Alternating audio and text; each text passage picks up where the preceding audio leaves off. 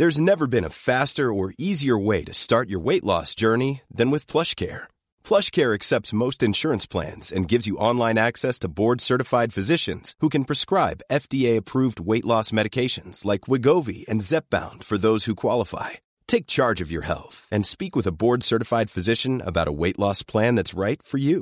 Get started today at plushcare.com slash weight loss. That's plushcare.com slash weight loss. plushcare.com slash weightloss. Uh, men så fikk jeg oppleve at jeg kunne se hvem som helst inn i øynene. Uh, ikke, på, ikke på grunn av, men på tross av, liksom. Og, og at jeg var god nok, og at folk ikke dømte meg.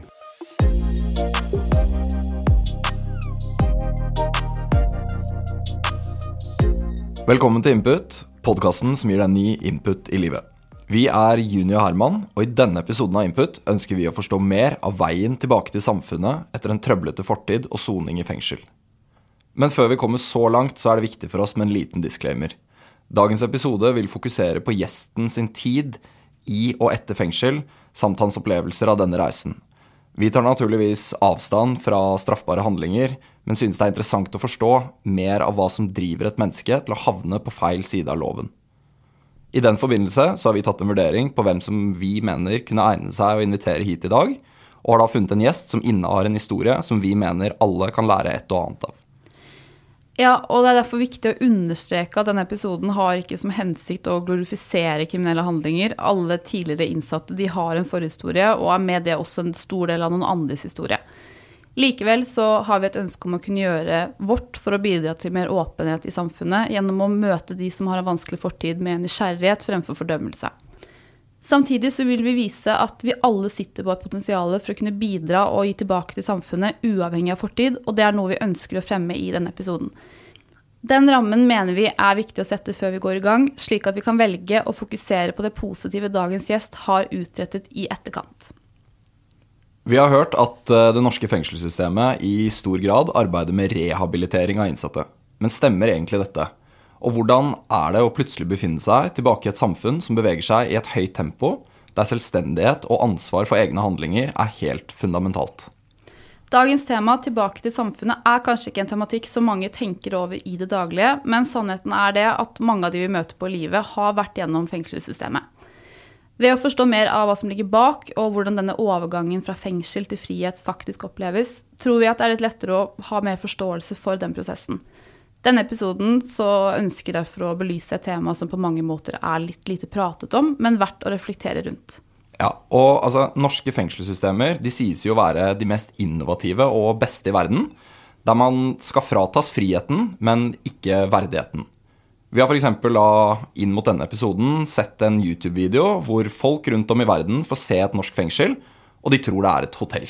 Ja, for får er sånn sjokk over hvilke fasiliteter og tilbud som finnes der, i tillegg til måten de innsatte behandles på, sammenlignet med andre steder i verden.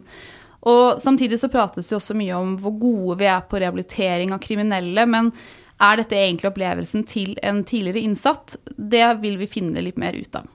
Dagens gjest det er en kar som vi fikk et ærlig og tidvis brutalt møte med gjennom den kritikerroste dokumentaren 'Kunstneren og tyven'. En dokumentarfilm som har blitt hyllet og prisbelønt verden over. Filmen ble særlig kjent for det fascinerende vennskapet som utvikler seg mellom kunstneren Barbora og tyven som stjal kunsten hennes. Tyven er vår gjest her i dag. Etter mange år inn og ut av fengsel har han nå inntatt rolle som rådgiver og prosjektleder i Blå Kors. Her bruker han sine erfaringer og kunnskap for å hjelpe andre som er i lignende situasjoner som han selv befant seg i.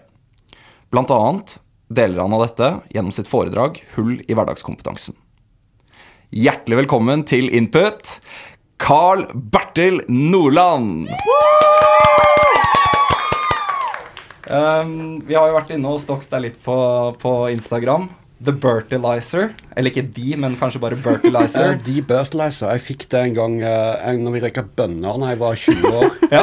ja? Det var en uh, kompis av meg som lå halvskakk i sofaen og så på et uh, program på National Geographic om gjødsel, om fertilizing. Så så ble det bare fertilizer. Så det har hengt på meg. Helt herlig, ass. Helt herlig. Uh, hvordan har du det i dag? Sitter her med oss. Uh, jo, jeg har det veldig bra. Jeg er litt sliten. Diettlivet tar på, men, uh, men, jeg er på en god plass, ja. Mm. Mm, livet er godt. Ja, bra. Mm.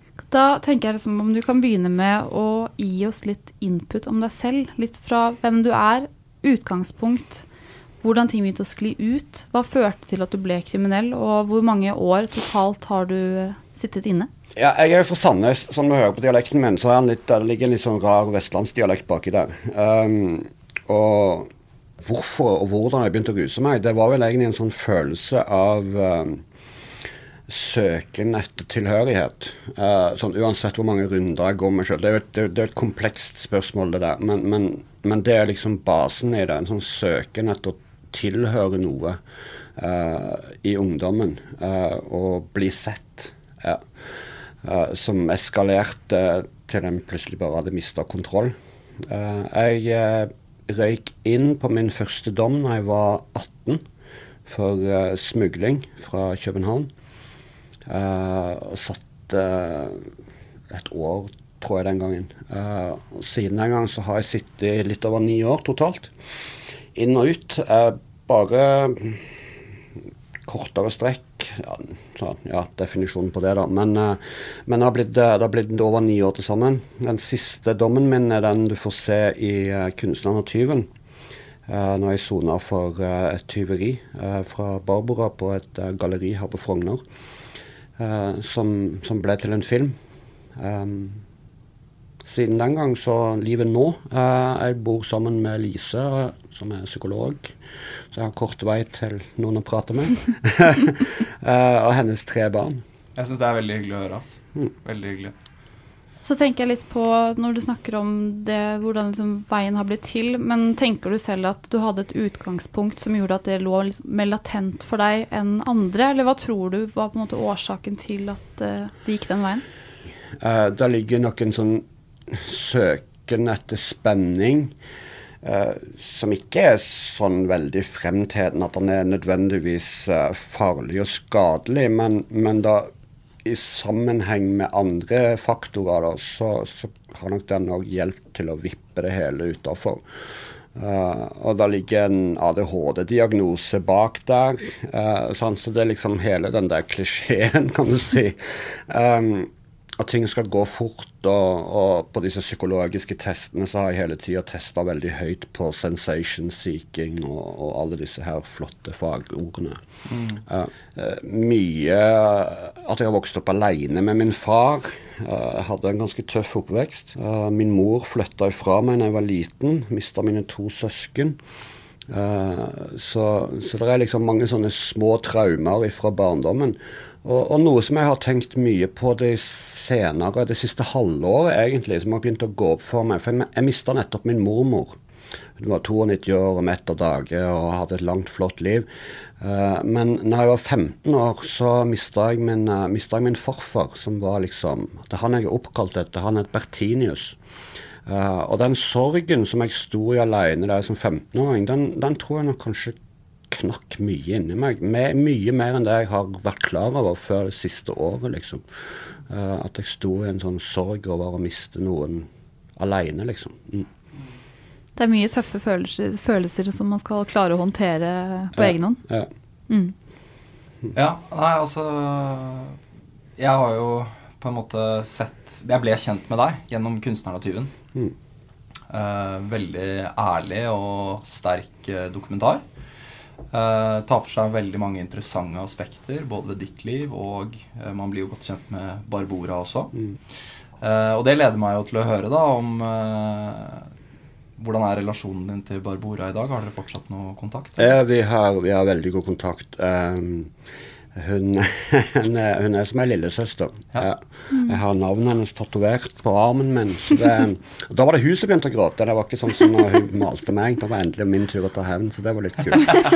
Uh, nei, hun, uh, hun har, um, for de som kjenner historien og filmen, så hun bor uh, i Tsjekkia sammen med Øystein, mm. fra, som vi òg ble kjent med i filmen. Uh, hun maler. Uh, har solgt en del malerier, eh, men hun er kunstner og blir nok aldri rik. Hun drikker litt dyrere rødvin og suser rundt og mister litt dyrere telefoner. Det er vel sånn kort fortalt, da. Hun er mm. kunstner. Jeg er veldig, veldig glad i henne. Og relasjonen ble bare bedre og bedre. Mm. Ja, for hvordan utover relasjonen med henne, hvordan har livet ditt, altså utviklingen der, eh, vært? Fordi Du har jo da plutselig blitt sett for den du er, men du har blitt veldig eksponert på veldig kort tid. Eh, så litt sånn Livet ditt nå, hvordan tror du det ville sett ut uten denne, denne dokumentarfilmen? Ja, jeg har sånn, For det første, jeg, jeg hadde nok Jeg er rimelig overbevist om at jeg hadde vært på samme sted sånn med tanke på rus, kriminalitet, ferdig å sone. Uh, helt uavhengig av filmen og møtet med Barbara. Og det krever litt, og det skal ha litt baller for å påstå det. Men de prosessene så, og det med at jeg nådde mitt nullpunkt og klarte å ta det endelige valget, da, det, det, har for så vidt ingenting med filmen å gjøre. Det, det, er noe som filmen har bare vært med underveis, og så har dette skjedd. da. Uh, men, men det, det, er klart det har vært veldig mye terapi i Jeg har tjent inn ti år med terapi, pleier jeg å si, på, på å måtte face historien min etterpå. Mm. Uh, ved, og det, det, er evig takknemlig til én person for, og det er Vibeke Skistad i Euforia Film, som er vår norske distributør, som egentlig putter meg opp og foran folk uh, allerede på premierer. Uh, sånn at jeg bare fikk eierskap til historien min. Mm. og så fikk jeg oppleve å stå i plenum og prate med folk. Jeg fikk oppleve en mestring i det, selvfølgelig. Det kicker jo litt de første gangene. Uh, men så fikk jeg oppleve at jeg kunne se hvem som helst inn i øynene. Uh, ikke, på, ikke på grunn av, men på tross av, liksom. Mm. Og, og, at jeg var god nok, og at folk ikke dømte meg. Og jeg fikk se det liksom kveld på kveld fra hundretusenvis av mennesker. At uh, at jeg er bra nok, da. Og at de satte pris på å se mannen bak alle maskene. Mm. Så jeg merker at uh, jeg, har, jeg, har, tjent inn veldig mange år med terapi på å få lov å fronte og face historien min. Men det er klart, jeg, jeg når jo et metningspunkt etter hvert. Det koster jo. Uh, og, og, noen ganger så må jeg, når, har, når jeg har vært og prata mye med folk, så må jeg liksom minne meg sjøl på at, uh, at uh, Rolling Stones de spiller jo òg Can't Get No Satisfaction ennå. Mm. Så det ble jo litt hakk i plata for min del. Mm. Men, men, det, har vært en, det, har vært, det har vært fint. Mm. Jeg er veldig takknemlig. Det, det, må være ganske heftig det, som du sier, at, at i forhold til terapi, da, at man blir Altså, du ser jo deg selv så innmari tydelig, eh, som jeg også har lest noen scener du på en måte har sett én gang, og det er det. Fordi det er for heftig å skulle se om igjen, og at man føler på den skammen rundt det. Opplever du det sånn i dag? Jeg har ikke sett hele filmen på lerret. Jeg har bare sett den delvis spolt gjennom den på laptopen til Benjamin, altså regissøren. Ja. Men jeg kan jo spille den av i hodet mitt 1 time og 42 minutter. Jeg vet jo hva som er der. Ja. Uh, men jeg har ikke noe behov for det. Jeg syns det, det, er sårt og vondt å se meg sjøl så sliten og så stygg. Uh, jeg skammer meg over hvordan jeg så ut. Det er liksom det som er det vondeste. da. Og det at jeg ser meg sjøl rusa, syns jeg er vondt. Uh, sånn som den scenen når jeg knekker sånn i sammen, uh, når jeg ser meg sjøl malt, uh, som er bare følelser. Det, det, koster meg ikke noe å se, da. det eier jeg. Men, men, det å se at jeg var, hadde ødelagt meg sjøl sånn, mm. syns jeg er vondt. Skjønner jeg veldig godt. Mm. Mm. Ja, for det siste vi ser, så er jo at du, du løslates fra fengsel. Og mm. tilsynelatende får alt veldig på stell. Og hvordan, hvordan, har ting utviklet seg siden? Altså med tanke på at, For jeg har jo lest at du har tatt et studie, f.eks. Og hva har det gjort med selvfølelsen din? Altså, hvilken mann er du i dag kontra den du var da? Jeg er ganske cocky nå, altså. nei da. Uh, nei, jeg, jeg, begynte å studere. Jeg begynte å studere sykepleie. Uh, og så fant jeg ut at her bomma jeg vel egentlig litt. Uh, jeg, jeg, søkte på sykepleier, sosionom, verne, vernepleier, barnevern. Hadde liksom lyst til å gjøre en forskjell, kanskje bruke inn mot rusomsorg, bruke erfaringen min. Jeg tenkte at det var fine utdannelser. Og så var jeg i gang på, på studiet og trivdes ikke. Jeg fant ut at dette er jo ikke helt meg. Samtidig så, som du var inne på, så hadde jeg liksom begynt Jeg hadde fått tilbake litt av denne her treningsgleden. Jeg hadde begynt å bygge meg opp fysisk. Og jeg, jeg, jeg ramla jo ut i rus når jeg sto i organisert idrett som, som, ungdom på ganske høyt nivå innenfor BMX. Det var liksom, det var en stor del av identiteten min, da. Uh, fysisk aktivitet, trening. Og så har jeg begynt å finne tilbake til den treningsgleden og dette her. Sånn at jeg bytta studie til å komme inn på Norges idrettshøgskole, så jeg har studert uh, trening, helse, prestasjon der oppe. Var ferdig med det i fjor. Gratulerer. Takk. Uh, og da når jeg kom inn der, da på en eller annen måte bare føler jeg at faen, nå, her, nå er jeg hjemme, her landa jeg. jeg i all sin absurde greie, da. fordi at jeg, jeg, passer jo ikke inn der oppe i det hele tatt. Der folk går med, med two times U-tights og raske briller, liksom, og craft-klær, og så kommer jeg med tattiser i trynet. Uh, men, men, det at jeg, klar, at jeg turte, det jeg liksom vokst på.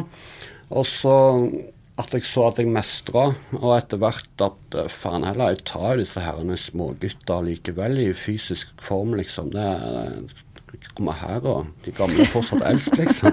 Så hadde jeg mestra det, da. Det bygde meg opp. Det reparerte meg. De årene på Norges idrettsskole, de reparerte meg.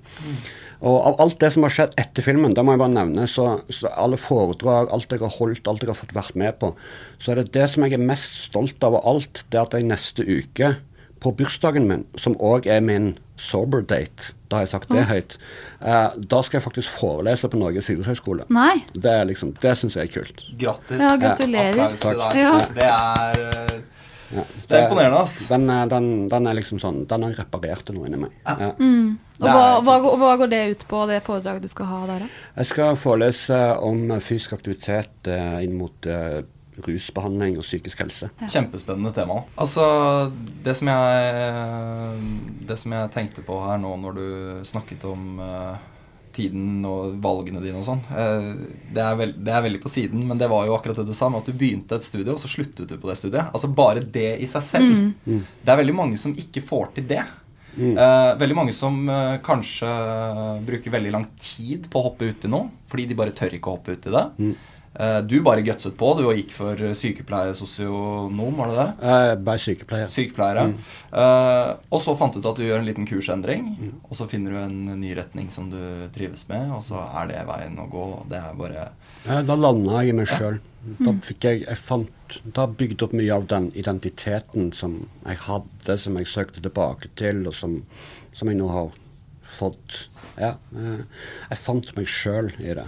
Mm. Men det er jo noe med å hoppe ut i det. Det første studiet du hoppet ut i. Det er, ikke sant? Man, man Ja. går jo bare ut i det, og så erkjenner man kanskje at dette ikke var riktig, og så gjør man en liten kursendring der også, da. Mm. jeg tror det er et bra tips for mange. For og- alle. ja, men fordi altså, sånn, Det er helt på utsiden av din historie og bakgrunn, men bare sånn akkurat det isolert. da. Det sier veldig mye om guts, Ja. syns jeg, og bare det at man tør. Rett og slett. Men hvordan gikk du fra dette igjen? Og, altså, hva ledet deg inn på, til Blå Kors? Ja, det er bare masse tilfeldigheter. Eh, Det var noen i Blå Kors eh, som hadde blitt invitert eh, for å se 'Kunstneren tyven'. Og i både sånn filmen, det den tar for seg Det er jo, det er jo meta, metaheaven hele filmen, så du kan jo plukke ut mange aspekter av den. Men eh, og at jeg prata litt etterpå om min historie, gjorde at de tok kontakt med meg og spurte om at jeg ville ha et engasjement der for å gjøre noe sammen med de, noen sofasamtaler og sånn. Uh, og så gjorde vi det i tre måneder. Uh, og så fikk jeg beskjed om at uh, du må bare gjøre ferdig studiet, og så kommer du og jobber for oss, eh, siden jeg har jobba der.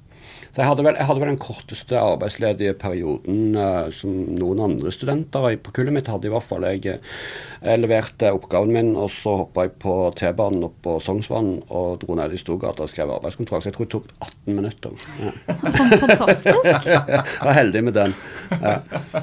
Kaster ikke bort tiden, i hvert fall. nei. Men det er jo litt sånn det er når du har eh, ADHD liggende i bunnen. ikke sant? Da skal ting skje fort, og fra det ene til det andre. ikke sant? Jeg hadde, jeg hadde veldig flaks, fordi jeg hadde jo sett for meg en helt annen retning. Jeg hadde sett for meg eh, noe mer inn mot opptrening, eh, frisklivssentral, eh, ja, eh, noe mer fysisk aktivitet eh, med mennesker.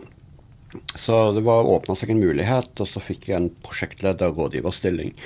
Så jeg utvikler jo et prosjekt da, som det som jeg er leder for, med, som går på hverdagskompetanse i fengselet som programvirksomhet. Ja, fordi altså nå tenker jeg at sånn før vi går inn i selve programmet, da, så er det litt viktig for de som sitter og lytter på, å forstå på en måte den reisen man er gjennom. da. Mm. Og eh, det å løslates for, fra fengsel, så er nok liksom den standard tankemåten at det er bare å få seg en jobb, det er bare å ta ansvar for eget liv, det er bare å bli clean. ikke sant? Det er veldig enkelt å tenke sånn, fordi det er så lett, det er så lett for folk å, eh, å, å ikke unnskylde eh, mm. det at man ikke tar ansvar for seg selv. Mm. Um, men hvorfor tror du det er vanskelig å gå fra fengsel til frihet? Du har jo litt erfaringer med det, og kjenner jo mange som sikkert har gjort det samme. Ja, det er vanskelig. Uh, og, og, jeg ser det jo til daglig nå. Nå jobber jeg jo inne i fengsler mye. Og jeg ser jo gutter, jeg ser meg sjøl i dem. Og, og det er mange ting som går igjen. Det er, for det første er det veldig mange sånne små praktiske oppgaver som skal løses når du kommer ut. Du skal ha deg et sted å bo. Uh, du skal unngå de rusproblemene som du har. for de fleste, majoriteten sitter jo inne har jo et rusproblem i bunn. Om om om de, om det er noe de innrømmer sjøl eller ikke. Men jeg tror det er over 80% som har, faktisk har et rusproblem. Uh, og det stikker jo kjepper i hjula for veldig mye. Uh, men den store sånn, Du skal ut og fungere, og du føler deg annerledes. Verden går fort.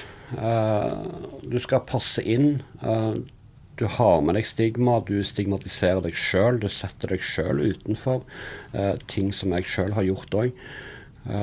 og så er det dette med økonomi som jeg ser som den store, store bøygen. da. Det, med en gang du kommer ut, så det er veldig mange som ikke har noe utdanning. Eh, så begynner du å søke på jobb. Eh, du skal få kanskje jobb i, i en butikk, eh, og så står alle kreditorene og skal ha alt du tjener i uhendelig framtid. Mm.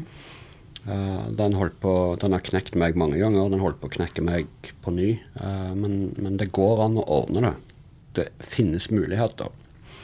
Mm. Men det med, den med, med at folk har mange hundre tusen til mange millioner i gjeld, den, den, jeg ser den knekker så mange gutter at det, jeg får vondt. Mm. For Jeg vil jo tro at ikke alle som kommer ut av fengsel nødvendigvis, altså selv om de er løslatt, har motivasjonen på topp. Altså sånn Man kommer ut mm. og til et veldig usikkert liv, og som du sier, man søker jobber, får kanskje en jobb. altså Hvis du er heldig, så får du en jobb. og så mm Kanskje du syns den er døll i utgangspunktet, så skal mm. du motivere deg til å holde den jobben, ikke mm. falle tilbake i gamle spor, i kriminalitet. Og så mm. i tillegg så skal noen ta alt du tjener, da. Så ja. Hva er på en måte gulroten her, da? Nei, det er det. Det er jo ikke så mange gulrøtter. Og det skal jo òg sies at uh, noen går jo ut fra fengsel uh, uten å ha noe ønske om noe endring. Uh, og det må jo de få lov til å ta konsekvensen av det. Men, men, det er veldig mange som ønsker en endring, men som kanskje ikke klarer å etablere det ønsket dypt nok inni seg sjøl. Og det må de kanskje gå en runde til. Uh, og, og den, men at de skal da måtte gå mange runder og inn i fengsel igjen, det tenker jeg kunne vært gjort noe med ved å ha ha et større tilbud om rehabilitering, mer, mer soning i paragraf 12, altså soning på institusjon, sånne ting. At en kan jobbe mer terapeutisk med mennesker, ikke bare låse de inne og forvente. For du er akkurat den samme når du går ut porten som den dagen du kom inn. Du er akkurat den samme fyren. Du kan tro du har forandra deg, men når den porten åpnes, så er du den samme. Det har ikke skjedd noe. Du har ikke fått utvikla deg på ei celle. Det er jo realiteten. Mm. Så, hva tenker, du, hva tenker, du, om det vi sa i starten her, med at, de, at Norge regnes som det mest innovative og beste fengslene i verden. Hva, hva, tenker du der? Er du enig, eller er det litt nyansert? Ja, det er veldig nyansert. Eh, det er klart at Når du bygger et fengsel i et rikt land som Norge, så må du bygge det for 80 år fram i tid. Sant? Så bygge, bygge, fangehull, det, er jo helt, det gjør vi jo ikke. Sant? Og da bygger du Om du har, om du har en celle med toalett og dusj på, som da kan se ut som et uh, dårlig tostjerners hotellrom i andre land, så, så, er jo det bare standarden. Det er sånn vi bygger bygg. Mm. Uh, enkelt og greit. Mm. Uh, og, og, så kan det se veldig humant ut, ut men, men, du sitter alene inne på den cella di der 23 timer i døgnet ofte. Låst inne, alene med deg sjøl. Det er jo det som er straffen. Straffen er jo at du tar ifra mennesker friheten. Uh, jeg pleier å sammenligne med Dostojevskij sin uh, bok fra 1860, når han beskriver sitt fangeopphold i, i, i Sibir. Uh, opptegnelser fra De dødes hus. Da han, når han da beskriver hvordan mennesket som er fratatt friheten, begynner å hakke på hverandre og bygge hierarki, som beskriver veldig godt hva som skjer med menneskets sinn når, når, friheten ble tatt ifra oss. Og den, det, det, kunne vært beskrevet akkurat prikk likt i Halden eller et av de andre nye, flotte fengslene nå i 2022. For det er akkurat det samme som skjer med mennesker. Er det noen prosesser uh, underveis i fengselet hvor, hvor, man på en måte forsøker å rehabilitere før man skal ut igjen, eller hvordan ser det ut? Ja, Der, er jo, der er jo, skal jo være programvirksomhet, som det heter. Det skal være tilbud om skole eller noe snekkerjobb har jo noen fengsler, noe sånn småtteri. Uh, og, og det skal være noe tilbud om uh, gjeldsrådgivning, kurs innenfor forskjellige ting, livsmestring og sånn. Men realiteten er at det, og særlig nå de siste årene, så fungerer det ikke. Det er jo, det er jo lagt ned pga. økonomi, alt sammen. Okay. Uh, en så det særlig i den forrige regjeringen, at, at alt det av penger til kriminalomsorg forsvant. da. Mm. Det, du skal liksom låses inn, og så får du klare deg sjøl. Uh, og Det er jo noe av det vi jobber med i Blå Kors. For Vi ser jo bl.a. at du gjennom da, det siste fengselsoppholdet blir tydelig, sånn, forbedrer fysikk osv. Var det for din del en måte å takle det hele på den siste gangen? At du trente deg opp og jobbet mer målrettet mot tiden etter? Ja, den siste gangen så gjorde jeg det. Jeg har liksom alltid trent når jeg har vært nykter og sittet inni og sånn. Uh, det er jo en grei måte, en flott terapi egentlig bare på å holde ut og, og komme seg gjennom dagen og få sove. Uh, så den har liksom alltid vært med. Den, og det er det veldig mange som gjør i fengsel. De fleste er vel fysisk aktive på en eller annen måte, uansett hvilket liv. Om de så sniffer lim på utsida, så, så løfter de vekter når de sitter inne. Men det, det, som, det, som, skilte den siste dommen fra meg, det var det at før jeg sona, så hadde jeg nådd mitt nullpunkt. Jeg hadde kommet dit hen at uh, jeg klarte å ta det der endelige valget.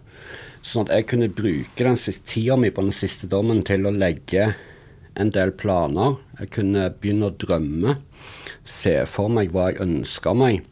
Ja, egentlig tørre, tørre, å drømme litt, da. Uh, og, og, så klarte jeg å reali realitetsorientere meg sjøl litt på Forberede meg psykisk på det som kom, basert på alle de feilene jeg har gjort før når jeg har gått ut porten. Mm. men det koker liksom ned til at jeg hadde klart å ta det endelige valget. Det var tøft når jeg kom ut. Jeg hadde det beinhardt når jeg kom ut. Uh, men, men, jeg klarte å ikke gi meg, og til slutt så, så satt det. Og jeg klarte å få ting til uh, mestring og tilhørighet, og alle de tingene som gjør at jeg klarte å stå for det valget om jeg ikke ruser meg noe mer. Mm. For det var det det kokte ned til. Mitt rusproblem var jo så omfattende at det, det var jo punkt nummer én slutte å ruse meg. Mm. Det var på en måte over kriminalitet, egentlig. Altså rusen ja. var på en måte For jeg vil tro at mange har ulike faktorer som gjør at de begår kriminalitet, ja. men for deg så var det rus. Ja. Mm. Og det sier du at det er et underliggende problem for 80% av de som sitter inne? Ja, det er litt varierende tall på det. Jeg har lest helt opp i 86% Ja, ikke sant. Mm. Ikke sant. Jeg må jo bare si da, at eh, du er jo helt vanvittig reflektert, både sånn din e over din egen situasjon, men også sånn måten du snakker om systemene. Du er så orientert rundt uh, ting som jeg ikke har noe som helst annet om. F.eks. du snakket om var inne på regjeringen her, og du er jo helt up to date på alle disse tingene her. da. Uh, veldig veltalende også. Så uh, har, du, har, du, har, du, har, du, lest bøker i fengsel, eller? Jeg har lest noen bøker. Jeg har lest noen bøker på veien. Nei, det, det, det, er sånn Og det er kanskje igjen da et problem da med, med samfunnet vi lever i. Altså dette med å stigmatisere, da, ikke sant. Mm. Det er veldig lett å si at en som har sittet i fengsel mye av livet sitt, det, da an, gjør man visse antakelser om den personen. da. Mm. Uh, og, og, det er kanskje et stigma som, som, som, ligger i meg og i alle, at man blir overrasket da, over at det kommer en fyr her og overgår meg tankesettet rundt hvordan dette her funker og flyter. ikke sant? Men jeg vet ikke. Det, det er kanskje bare jeg som tenker over det? Eller kanskje det er noe mange tenker jeg tror det, det er jo litt av grunnen til at vi nettopp ønsket å lage denne episoden. At vi skal jo vise fram at ting er kanskje ikke helt som eh, man tror alltid. Da, at man er lett for å være veldig dømmende. hvis man hører, Jeg vet ikke hvordan du føler det i dag når du møter på folk i livet, og så opplever du at folk er dømmende til din fortid? Uh, nei, uh, jeg gjør ikke det nå lenger. Uh, men det tror jeg er fordi at jeg har blitt Eller jeg har fronta den historien min sånn, så den har jo blitt uh, semikjent, i det minste. Uh, så, så, den Jeg opplever ikke noe dømming nå. Det gjør jeg ikke. Men jeg har jo gjort det før. Mm.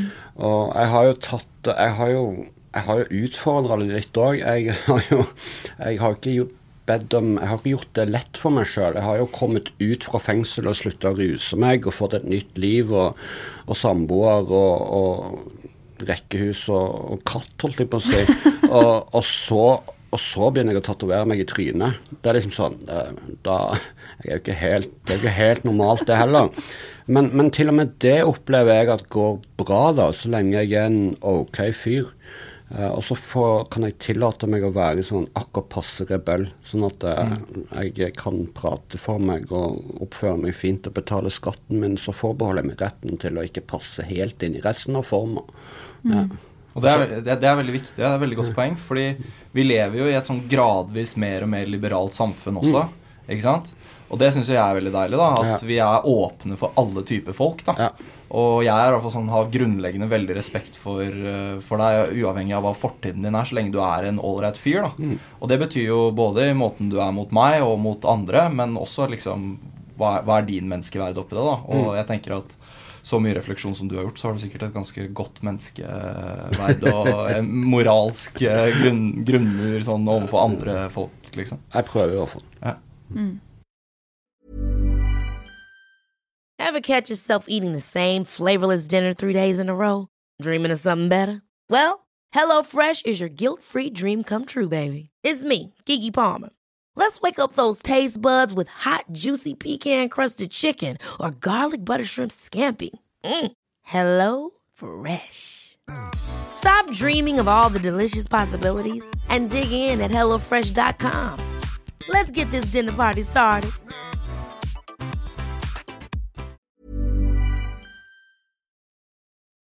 Eh, nå har vi vært inne på eh, en del av det, da. Men eh, dersom man er på gal vei i livet og trenger hjelp til å komme seg på rett kjøl, altså før handlingene får større konsekvenser, da. Hvilke tilbud finnes egentlig i dag? Hvis en tenker på rus, da, da finnes, jo, da finnes jo nok av tilbud. Det finnes nok av tilbud i Norge for mennesker med rusproblemer. Det, det er ikke det det står i. Uh, men uh, først og fremst må en ta komme seg til et endelig valg sjøl. Ja. Uh, og, så, og, så, må en uh, begynne å jobbe og se vekk ifra det en ikke, det en ikke liker, det en ikke trenger, og fokusere på det en kan gjøre. Mm. Og så ta én ting om gangen. Ikke stresse. Og så vil jeg tro som ung hvor det ofte handler om å tøffe seg og alt dette her, og steget derfra til man plutselig har en dom da, og skal inn i fengsel. Jeg tenker at blir man, blir man, på en eller annen måte plukket opp på veien, eller må man selv aktivt søke hjelp dersom man skal eh, få det på den veien? Ja, det er nok uh, Det er nok begge, begge, deler der. Det er nok noen som kanskje blir Men det at du, du er jo ofte ikke klar for å ta imot noe hjelp. Sant? Så jeg tenker jo at som regel så har det gått skeis uh, lenge før det, da. Det har mm. gått skeis uh, allerede sånn for min del òg, da, i barndommen. Det var liksom Når det at jeg begynte å bryte lover, og det begynte å, å, å bli sånne synlige brudd uh, som, gjorde, som ville få konsekvenser, så var det jo for seint. Mm. Og da hadde ballen begynt å rulle, og da gikk det ikke an å stoppe meg. Nei. Hva hadde du trengt da, tidligere, for å stoppe før det rullet så fort? Jeg personlig hadde trengt at uh, de bekymringsmeldingene og det som skjedde allerede på barne- og ungdomsskolen, hadde fått konsekvenser da. Uh, og det er vondt å si det, men jeg skulle jo ønske at jeg hadde vært uh, eh, varsla inn og under barnevernet. Var, for meg så var det en del sånne uh, små episoder som, der folk skulle være snille og skulle være kule, både mot uh, min, mine foreldre, som ikke lot varslene gå dit de skulle, og i senere alder, når jeg gikk på videregående, så var det lærere som skulle være kule og snille mot meg, og dermed gjorde meg en bjørnetjeneste med å la meg slippe unna, som gjorde at det ikke fikk konsekvenser tidlig nok. Mm. Så jeg sneik meg unna helt til uh, snøballen hadde rulla såpass langt at det var for seint. Og da, da stoppa jo ikke den før jeg var nærmere 40. Nei. Så det der å faktisk bli sett tidlig, og mm. at det allerede kanskje begynner der at de som har dessverre har en belastning hjemmefra, de er vel mer kanskje latent for å kunne havne på ja, gal vei. Sånn som jeg ser det, i hvert fall. For man er vel så innspunnet i et sånt nett når man først kommer i fengsel også, både på innsiden, men utsiden, at Ja. du har jo de folkene du henger med, og det er vel veldig vanskelig å skulle En ting er å ta tak i seg selv, men alt rundt deg også. Alle de faktorene som påvirker deg det øyeblikket du kommer ut, da. Og du har allerede kryssa så mange grenser at, eh, at hvorfor ikke bare krysse noen til? Eller du har jo allerede skuffa deg sjøl og skuffa alle andre. Så det er ikke så mye mer å tape. Nei. Ikke sant? Kompliserte greier, ass. Ja, det, det, hadde, en hatt, eh, hadde en hatt svaret på det, så hadde en gjort noe stort for menneskeheten. Men uh, det er vanskelig. Det er i hvert fall fint å ha noen som kan sitte og snakke om det. da. For det håper jo vi skal hjelpe å belyse liksom litt uh, disse ikke så mye omtalte temaene. Eh, Og i dette tilfellet det å først havne inn, og så komme ut og Ja. Det er my mye som ligger til det, For jeg, er så, jeg er jo vanvittig imponert over måten du sitter her og er så ærlig og deler eh, åpenhjertig. Men eh, hva, hva på en måte er din motivasjon bak å, å dele så åpent om eh, den veien du har hatt? Eh, for det første, det var det at det har eh, Det har reparert noe i meg å, å, å dele åpent om det. Eh, fordi gjennom hele det livet jeg levde da, i 25 år, og kanskje før det når som barn òg, så var, prøvde jeg bare å være noe som jeg ikke var. Jeg prøvde å være et eller annet. Jeg hadde på meg masse masker. Jeg prøvde å jeg, var, jeg var falsk. Det var løgn. Det var uærlighet. Alt. Uh, og det eneste jeg har gjort annerledes siden det, egentlig, og det eneste jeg gjorde annerledes i 'Kunstneren og tyven', det var å vise meg sjøl helt sårbar som en sånn såra liten gutt uten noen masker. Og først da fikk jeg oppleve at jeg er bra nok. Eh, så derfor er det naturlig for meg å dele Fortsette å dele det. Og så håper jeg, og så tror jeg, og jeg ser jo òg at det kan gjøre en forskjell for Hvis det kan gjøre en forskjell for én, så er det jo verdt det. Og det skal jeg få til. Én skal jeg klare. Det er jeg helt overbevist om at du klarer. Og så er det jo Vi lever jo veldig i et samfunn som er veldig preget av masker. Altså vi er jo preget av at vi skal oppnå suksess. At liksom, Man viser jo alltid den siden ut mot folk som man ønsker å vise, men de fleste har jo et eller annet. Altså det må faktisk bruke det som en måte å nå andre på og skape åpenhet i samfunnet generelt. Vi har jo snakket om eh, rehabiliteringssystemet i fengsel, som i, høres ut som det er nesten ikke-eksisterende. Og så er det rehabiliteringssystemene, eller eh, tilbudene, som finnes når du kommer ut. Blant annet, eh, du jobber i Blå Kors. Eh, kan ikke du bare fortelle litt om hvilke tilbud du kjenner til idet man er ferdig å sone? Og det finnes, det finnes så mange tilbud. Det finnes uendelig. Det finnes nok tilbud. Eh, det er jo det en kan si. Det finnes nok tilbud for mennesker med rusbakgrunn, med krimbakgrunn. Eh, så det trengs ikke flere. Men det trengs å kunne orientere seg i de tilbudene som finnes. Og det trengs hjelp til å motivere til å kanskje se litt lenger enn å gå i sånne spesialtilpassa eh, tilbud. Eh, kanskje er det riktig at du skal en liten periode inn i ei gruppe med tidligere innsatte. Det føles trygt. Du kan få bygge eh, litt relasjoner. Du kan føle deg trygg en periode. Men, men jeg mener at du skal jo ikke gå deg fast i det, da. Eh, vi må jo motivere til å se muligheter videre, sånn at du til slutt da kan stå ute i samfunnet på samfunnets premisser som en hvilket som helst annet menneske, med alle de verdiene og det som det medfører. Eh, og der uh, Det tror jeg er noe av det som vi i Blå Kors uh, er unike på, gjennom å i steg for steg, som det heter, den ettervernsbiten til Blå Kors, som skal orientere seg og ha oversikt over hva som finnes av tilbud for mennesker med soningsbakgrunn, rus, krimbakgrunn, egentlig. Uh, men òg for andre uh, i samfunnet. Det, kan, det kan være klatregrupper for, for, tidligere innsatte eller mennesker med rusbakgrunn. Jeg vet om én by i Norge som hadde fem sånne grupper i uka, uavhengig av hverandre, når det ble kartlagt. Så da, Du trenger jo ikke flere klatretilbud for rusavhengige. Det, det finnes nok av de, du må få mennesker til å bruke det. Så å få, hjelp til å kartlegge, bruk, ta i bruk det som finnes, og motivere til å kanskje komme seg ett hakk videre. Begynne med klatring på egen hånd. Oppleve mestring kanskje i ei sånn gruppe, og så kunne slippe tak der og kanskje bli medlem i en klatreklubb. Hva som mm. helst. Mm. Og så må man være villig til å ta tak i det på egen hånd på et eller annet tidspunkt. Ja, en må jo det. Mm. En må det. Og en må, noen trenger hjelp til, til, å bli motivert og motiveres til å se muligheter. Ja. Og det er vel litt der du kommer inn, da, gjennom uh, arbeidshverdagen din, kanskje. Jeg vet ikke uh, hvilken rolle du spiller mot de du jobber med? Ja, jeg, uh, vi jobber med noe som heter hverdagskompetanse. og det er jo som ordet sier, det er kompetanse om, om, livet. Jeg pleier å si, kalle det den der stille kunnskapen som mange av oss Eller alle har, men mange av oss har òg mangler i den, eller hull i det. Eh, det kan være sånne ting som vi har lært hjemme, eh, som noen av oss har glemt. Noen av oss har ikke lært det hjemme. Det kan være det å skaffe seg en bolig, men den boligen skal òg være et hjem, da. Mm. Eh, du kan få hjelp, du kan finne deg en leilighet, men, men det er jo ikke sikkert at den leiligheten blir noe annet enn et tak over huet. Du må kunne gjøre det til et hjem.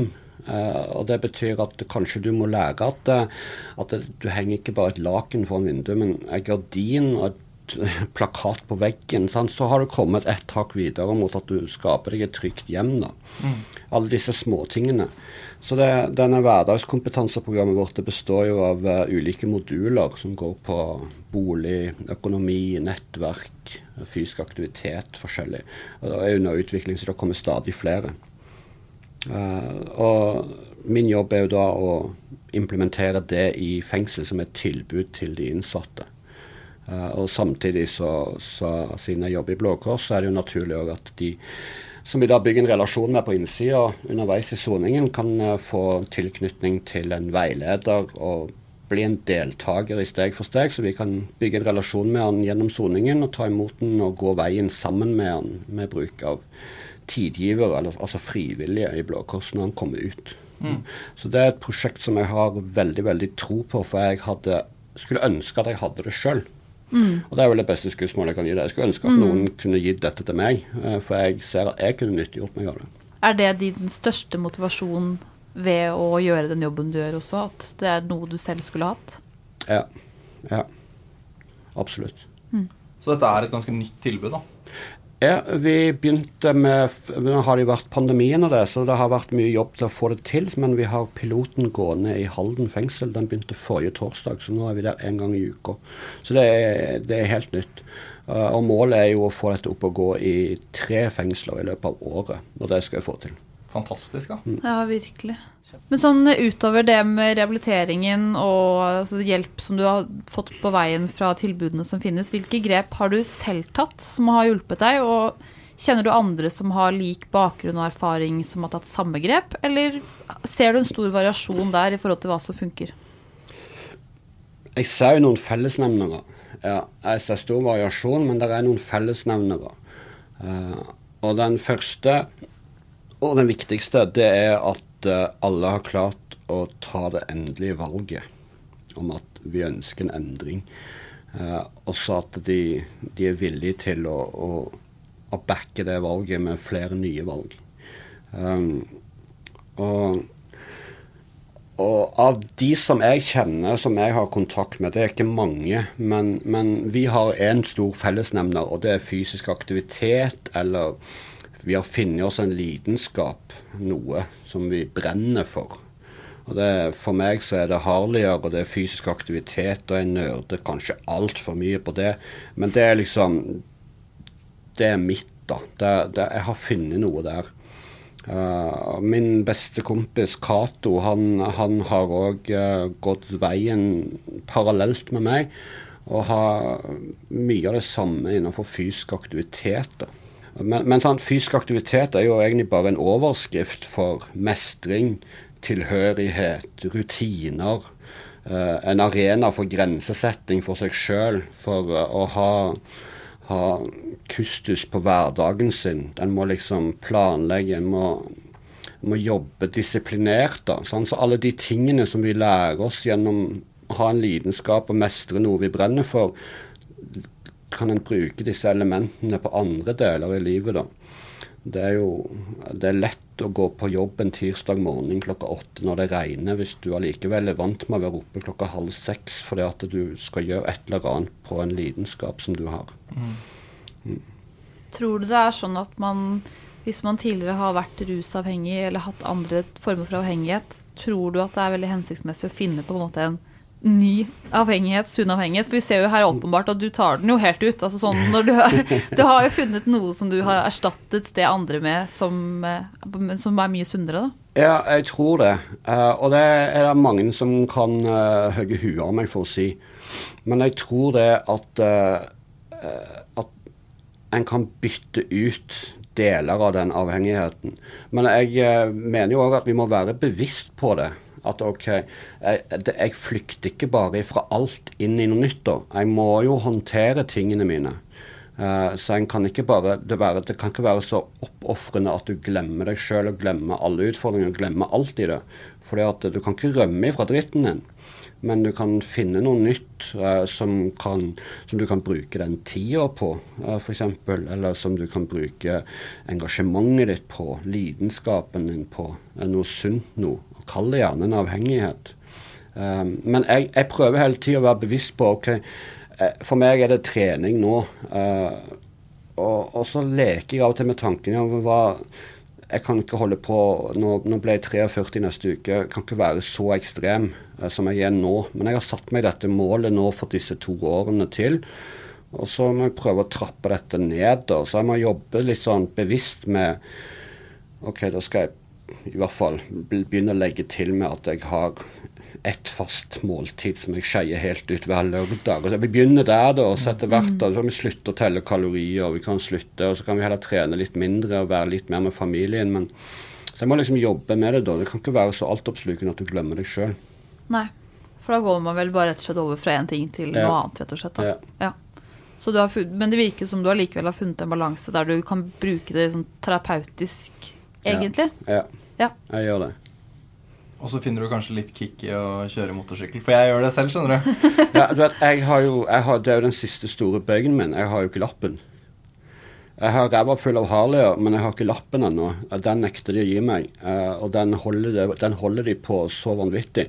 Så der får jeg òg øvd på disiplin og sette grenser for meg sjøl. Okay. Uh, jeg, jeg, jeg, har noen feite Harleyer som jeg aldri har kjørt. Jeg har titta litt på Instagramen din. De er helt grove, de syklene. Altså. Fy fader. Men hva, men hva, skal til, da? Altså, sånn, eh, altså, hva er det du har å forholde deg til der? Altså, er det så så lang tid før man kan få mulighet? Eller? Ja, jeg er fradømt førerretten på livstid uh, fem ganger, tror jeg.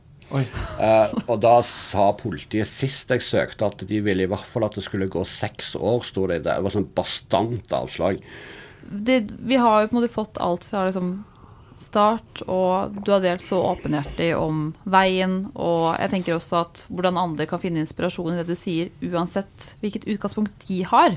Mm. Og det er jo det vi ønsker med denne podkasten, at alle skal kunne finne et eller annet eh, og ta med seg videre i sitt liv. Mm. Så eh, helt avslutningsvis her, da, så ønsker litt input fra deg på hva vi som medborgere kan gjøre for å skape et varmere, rausere og mer inkluderende samfunn. Fordi det er jo de som faller utenfor det vi anser som normalt, og eh, de har jo en tendens til å bli sett ned på. Så hva kan vi eh, gjøre som medmennesker for eh, å løfte hverandre og se hverandre? Helt, helt enkelt og helt gratis. Og du sa det egentlig sjøl, bare å se hverandre. Ja. Uh, se han fyren du går forbi som du egentlig ikke tør å møte blikket på. Bare se han inn i øynene. Bare se han inn i øynene og sånn Jeg ser deg. Mm. Det koster ingenting å bare gi øyekontakt. Uh, du trenger ikke å putte penger i hver kropp ned Karl Johan, men, uh, men ta og se de menneskene som sitter der. Mm. Du trenger ikke å smile engang, men bare, bare se folk. Ja. Det kan alle gjøre. Ja, det bør være ganske oppnåelig for absolutt alle sammen. Det er et eller annet med at når du sier det på den måten, så treffer det meg litt hardere, ass. Jeg får liksom gåsehud og merker at jeg Ja, nei, det er bare noe å ta til seg, virkelig, ass. Og prøve å etterkomme det også. Mm. Virkelig. Og det kan jo gjelde, som du sier, alle egentlig. Altså om det sitter noen på gata, at man ikke må nødvendigvis gi penger, men å se folk, si hei til folk Mm. og anerkjenne hverandre. At du har like stort, stor verdi som Mm. menneske yeah. som det jeg har, da. Som jeg regner med at man ofte, særlig som både som tidligere narkoman og kriminell, har ganske mange ganger stått i en situasjon der folk Mm. ikke ler deg et øye engang. Ja, og, og det at en, en, der bor noe Der bor en historie, der bor noe mer i alle mennesker enn det du ser ved første øyekast. Det, jeg får ikke sagt det nok ganger. Eh, og det er en del av det som jeg håper både historien min og 'Kunstneren og tyven' òg viser. At det, bor noe mer i mennesker enn det du ser ved det første øyekast. Eh, og da kan tenke over det i møte med mennesker. Så, så tror jeg en kan komme ett hakk nærmere et litt mer inkluderende samfunn. Mm. er klart. Helt klart. Absolutt. Og jeg må bare også si i forbindelse med det, så må jeg, jeg elsker litt det hvordan du eier For jeg ser jo på capsen din og alt at du har helt åpenbart tatt liksom dette som folk kanskje kan liksom være negative til, og så bare kjørt liksom Ja. Dratt den helt ut. Ja. Og hva var det, er det står på den ansiktstatoveringen? Jeg, jeg har tatovert konsekvenser i pannen. Consequences. Og det var liksom som en sånn fleip til meg sjøl. Og jeg tenkte faen, eller alt alt det dumme jeg har gjort, det får jo konsekvenser. Så nå skal jeg tatovere konsekvenser speilvendt i pannen, sånn at jeg ser det hver Og måned. ikke være rusa når Ja. man tatoverer det. Det er, det er, det er speilvendt Nei, også? nei, det er ikke speilvendt. Okay. ok. Jeg gjorde ikke det. Jeg har det, jeg har det faktisk rette veien. Det står consequences. Herlig, altså. Og jeg mener Instagramen din, der er det jo The Thief, ikke sant? Det er jo i bioen din. Du, eier, du eier det jo fullt ut. Ja, jeg eier den. Jeg gjør det. Og det er blitt et Ja, merkevare, ja, ja, nesten, kanskje? Jeg vet ikke. For, for sånn, den crime pace og sånne ting, er det på en måte typ din egen merch? Nei, jeg har bare dratt det litt langt, fordi at det, det begynte å bli litt sånn Filmen gikk bra. eh, vennskap med Barbara reparert mye i meg. Og alt koker ned til at jeg stjal et maleri og knakk meg inn på et galleri her på Frogner. Så, så det er bare crime pace. Det gjorde det for meg. Ja, så får jeg bare eie den. Ja. Og så får folk tåle at en tråkker litt i salaten. Jeg tror det er akkurat det man må gjøre, og det er det som er en måte for å åpne det, så du har samtaler sammen, og det at man faktisk eier sin fortid på den Ja. måten du gjør, det tror jeg er hele nøkkelen egentlig til også et mer åpent samfunn. At man klarer å dele med hverandre. Det har jeg stor tro på. Det har jeg òg. Men da er det vel eh, egentlig på tide for oss å runde av her. Dessverre. Dessverre. Det har vært en ære å ha deg her. Virkelig. Virkelig. Og uh, at du snakket så åpent og ærlig om alle utfordringer og hvordan du har brukt det. Og vi anbefaler også veldig veldig sterkt de som lytter til å se 'Kunstneren og tyven'. fordi det nevnte jeg for deg her i sted, men den, jeg syns den var helt fantastisk. Og har sett den flere ganger nettopp fordi hva det har lært meg når jeg har sett den, og hva det har gjort med hva jeg har tatt med meg ut i livet etterpå. Så det anbefales på det varmeste. Tusen hjertelig takk, Bertil. Tusen takk for at jeg fikk komme. Takk for din eh, input, og eh, takk, for, eh, takk til deg som hørte på oss i dag.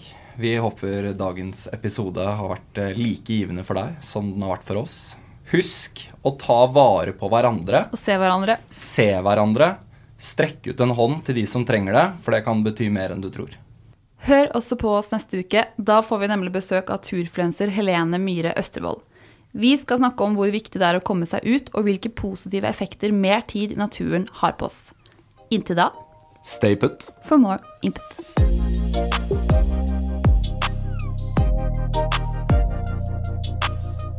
Eccentric people.